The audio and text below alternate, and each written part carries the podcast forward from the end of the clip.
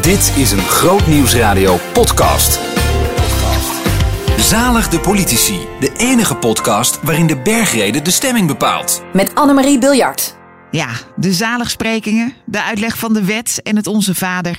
De bergrede is een van de meest geliefde toespraken van Jezus in de Bijbel.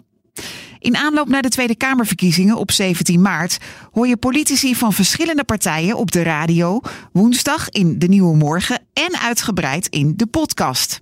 Gebeurt aan de hand van zeven thema's uit die bergreden. Een beetje met een knipoog, want het is geen politiek programma natuurlijk, maar geeft wel mooie handvatten voor een gesprek, zo is gebleken. In deze podcast hoor je drie politici. Ik noem ze. Arjan de Kok van Forum voor Democratie, fractievoorzitter voor Forum voor Democratie Gelderland, nummer 11 op de kandidatenlijst voor de Tweede Kamerverkiezingen. Hanneke van der Werf, nu nog fractievoorzitter voor D66 in de gemeenteraad van Den Haag, op de landelijke lijst op plek 9. En Yvonne Bijenhof, ook gemeenteraadslid, maar dan van de VVD in Almelo, op plek 48. Uit de bergreden. Zalig zijn de armen van geest, want van hun is het koninkrijk der hemelen. Jezus zei tegen zijn leerlingen: Luister niet alleen naar wat ik zeg, maar doe het ook. Dan lijk je op een verstandig man die zijn huis op rotsgrond bouwde. Nou, ik denk dat uh, Forum voor Democratie is gebouwd op uh, de inspraak van uh, de burger, de Nederlander. Wij zijn ontstaan naar aanleiding van het Oekraïne-referendum. En toen is gezegd, we moeten gewoon in Nederland inspraak van de burger hebben middels referenda. Die, de Nederlanders moeten kunnen gewoon beslissen over hele belangrijke thema's. En dat komt omdat in al die verkiezingsprogramma's, in verkiezingstijd lijkt het allemaal alsof de partijen haaks op elkaar staan, maar vervolgens uh, gaan we polderen en dan wordt er een akkoord besloten. En eigenlijk, ja, niemand kan daarin alles kwijt natuurlijk. Maar je moet toch op bepaalde thema's, moet je tegen de burger kunnen zeggen van wat vindt u hiervan? Dus dat is wel de basis. En waarom voelt u zich als christen thuis bij Forum voor Democratie? Nou, uh, omdat uh, Forum voor Democratie is toch wel een conventionele conservatieve partij, die, die ook voor een groot deel vanuit onze joods-christelijke erfenis redeneert. Um, en wij denken dat, uh, dat het belangrijk is om dat te bewaren. En we denken dat dat in gevaar is door bijvoorbeeld inmenging vanuit de EU, vanuit Brussel. Ik denk dat het belangrijkste voor D66 is dat wij als partij veel vertrouwen hebben in mensen. Ik ben nu zeven jaar gemeenteraadslid in Den Haag. En als ik zie wat, uh, wat voor initiatieven bewoners hebben, hè, zonder dat wij dat voor hun hoeven te bedenken, maar dat zij naar het stadhuis komen met: hey, zullen we eens dit doen of kunnen jullie ons helpen hierbij? dan ben ik heel erg onder de indruk van de veerkracht en de vindingrijkheid die mensen hebben. Um, maar tegelijkertijd zeggen wij ook: laat iedereen vrij, maar niemand vallen. En um, uh, ik, ik zie natuurlijk ook dat, dat de ene mens makkelijker meekomt dan de andere, een andere basis heeft. Dat kan soms hele uh, banale oorzaken hebben, in welke wijk je bent geboren of uh, een pandemie die, die langskomt. En um, dat zijn denk ik dingen waar je voor moet waken, dat je de kwetsbaren helpt. En dat bedoelen we met niemand laten vallen. Ja, inspraak van de burger, onvrede daarover en het vertrouwen hebben in mensen in het algemeen. Twee hele verschillende uitgangspunten waarop een partij, te weten Forum voor Democratie en D66, gefundeerd is. Uit de bergreden. Zalig de reine van hart. Aan een goede boom groeien goede vruchten, maar aan een slechte boom groeien slechte vruchten. Zo kunnen jullie de mensen dus herkennen aan hun vruchten. Hun vrucht is hun manier van leven. De VVD, Yvonne Bijenhof. Nou, wat ik nu heel uh, goed vind is dat wij uh, in uh, onze Mark Rutte, onze minister-premier, toch een leider hebben gevonden die er echt voor gaat. Zo, we moeten met elkaar, we moeten hier doorheen komen. daarna moeten we natuurlijk uiteraard zorgen dat het herstel van Nederland komt en samen sterker verder. Dus daar ben ik trots op dat wij leiderschap tonen en de verantwoordelijkheid nemen. U noemt premier Mark Rutte in deze crisis. Hij heeft ook gezegd: laten we nou niet te veel over corona en over het beleid gaan debatteren in deze verkiezingstijd. Uh, want wat moeten we allemaal samen doen? Maar dat komt dan ja. uiteindelijk toch heel handig uit voor de VVD. Nou, ik, eh, kijk, dat vind ik eigenlijk een beetje goedkoop als, uh, als een crisis uh, wordt gebruikt van dat komt handig uit voor de VVD. Kijk, we hebben met elkaar we hebben een crisis te bestrijden. Een crisis die ons allemaal raadt. Zowel of, of in de gezondheid, mensen om ons heen die worden ziek. er gaan mensen dood aan corona. De economie heeft een enorme klap gekregen. Ehm, dus, dus, wij, dus er is ook niet één partij die dit kan oplossen. Willen wij Nederland weer een, uh, uit de crisis krijgen, dan moeten we het echt samen doen. We zitten nog steeds bij de vruchten, die voor veel mensen in de samenleving ook bitter smaken.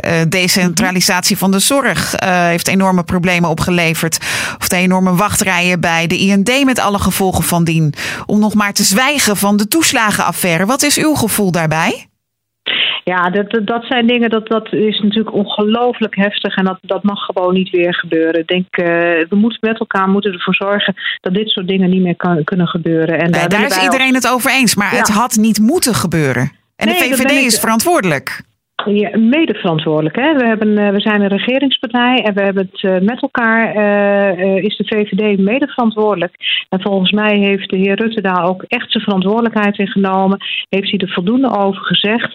En ja, we moeten nu verder. We moeten gewoon zorgen dat de mensen die gedupeerd zijn door de onder andere de toeslagenaffaire, dat die zo snel mogelijk hun geld krijgen. En er wordt alles op alles gezet zodat dit rechtgetrokken wordt. Hanneke van der Werf van D66 laat ook graag weten wat de partij heeft bereikt? De vruchten van de partij? Oeh, ik denk, uh, uh, ik denk dat onze uh, minister Wouter Koolmees van Sociale Zaken en Werkgelegenheid een aantal hele mooie dingen voor elkaar heeft gekregen. Het belangrijkste is misschien wel het pensioenakkoord.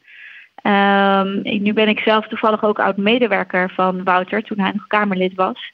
En um, Wouter is iemand die, uh, die het altijd heel goed lukt om mensen bij elkaar te zetten en daar dan ook uh, uh, samen iets van te maken. Daar komt dan uh, eigenlijk bijna altijd het resultaat uit onder leiding van hem. Dat vind ik heel mooi om te zien.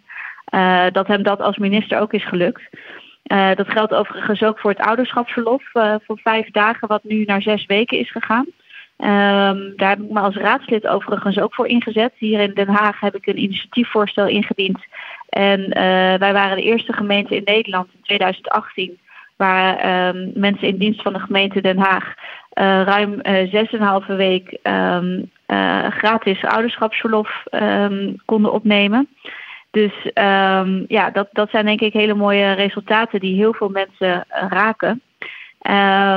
En als ik naar mijn eigen portefeuille kijk, waar ik veel mee bezig ben geweest, veiligheid, dan ben ik er trots op dat, we, dat dit kabinet voor het eerst in jaren weer meer investeert in politie. Ik geloof dat er 291 miljoen structureel meer uh, voor op de plank is gekomen. Ja, ik, ik word nu wel getriggerd. Ik, straks moeten mensen gaan stemmen. En wat veel mensen doen is op het laatste moment vaak een stemwijzer of kieskompas invullen. Maar er zijn ook stemwijzers die gebaseerd zijn op het stemgedrag van partijen in de Tweede Kamer. Dat zijn de vruchten, vind ik, de, de democratische vruchten van de partij waar jij voor kiest of wilt kiezen. En ik denk dat het goed is dat mensen meer dat soort stemwijzers in gaan vullen zodat ze zien wat de partij werkelijk in de Tweede Kamer doet. Wij uh, zijn in de Tweede Kamer bijvoorbeeld altijd radicaal pro-Israël. Er staat zelfs dat wij de ambassade naar Jeruzalem willen verhuizen.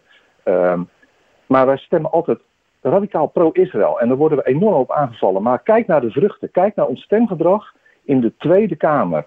Arjan de Kok van Forum voor Democratie, die graag wijst op de achteraf stemwijzers. Nou, bij deze. Uit de bergreden. Maak je dus geen zorgen over de volgende dag. Want de volgende dag zal weer zijn eigen zorgen met zich meebrengen.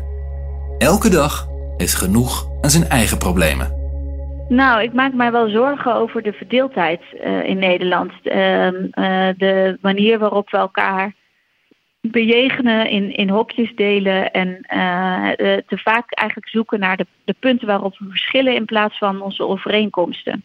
Dat komt uh, via allerlei kanalen binnen, via, via YouTube en Facebook en de krant.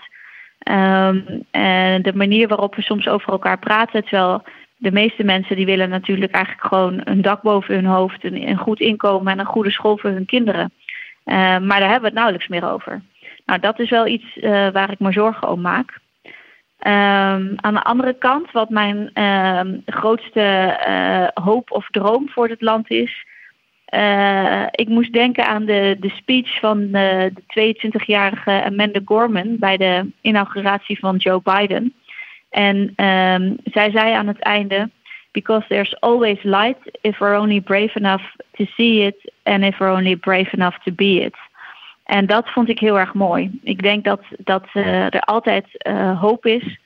Uh, dat het altijd dat wij als mensen in staat zijn om dingen ten goede te keren, om dingen te veranderen.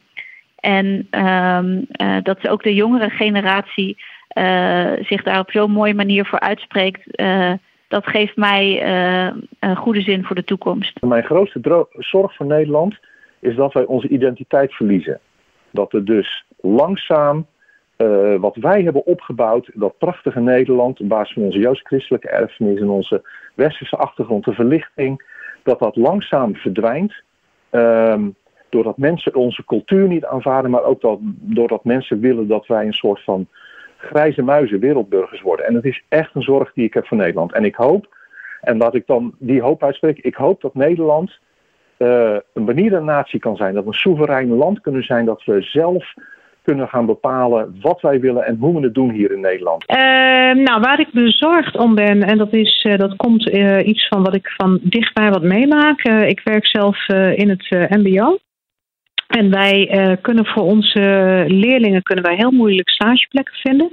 Dat is, uh, daar maak ik me echt bezorgd om van hoe gaat de generatie van nu, hoe gaat die er straks uitzien? Hebben wij nog voldoende vakmensen? Maar ook wat doet het met het, het welzijn van, van de jongeren? De, al die tijd dat ze niet actief kunnen participeren in de maatschappij, dat ze niet bij elkaar kunnen zo komen. Ja, en mijn droom voor Nederland, dat is nog steeds van dat we uit deze coronacrisis komen en dat we weer gaan opbouwen. En mevrouw Bijenhof? Ja? Plaats 48.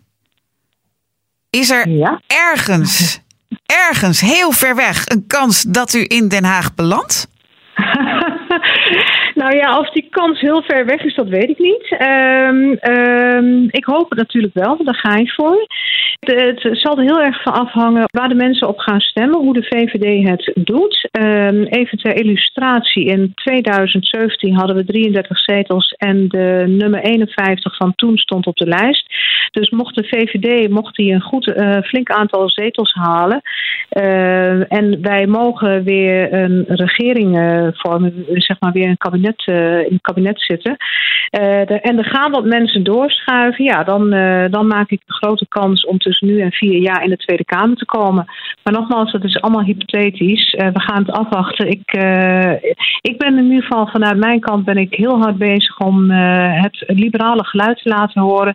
En nou, dat zal ik ook na de verkiezingen zal ik het blijven doen. Yvonne Bijenhof van de VVD. Hanneke van der Werf van D66 en Arjan de Kok van Forum voor Democratie.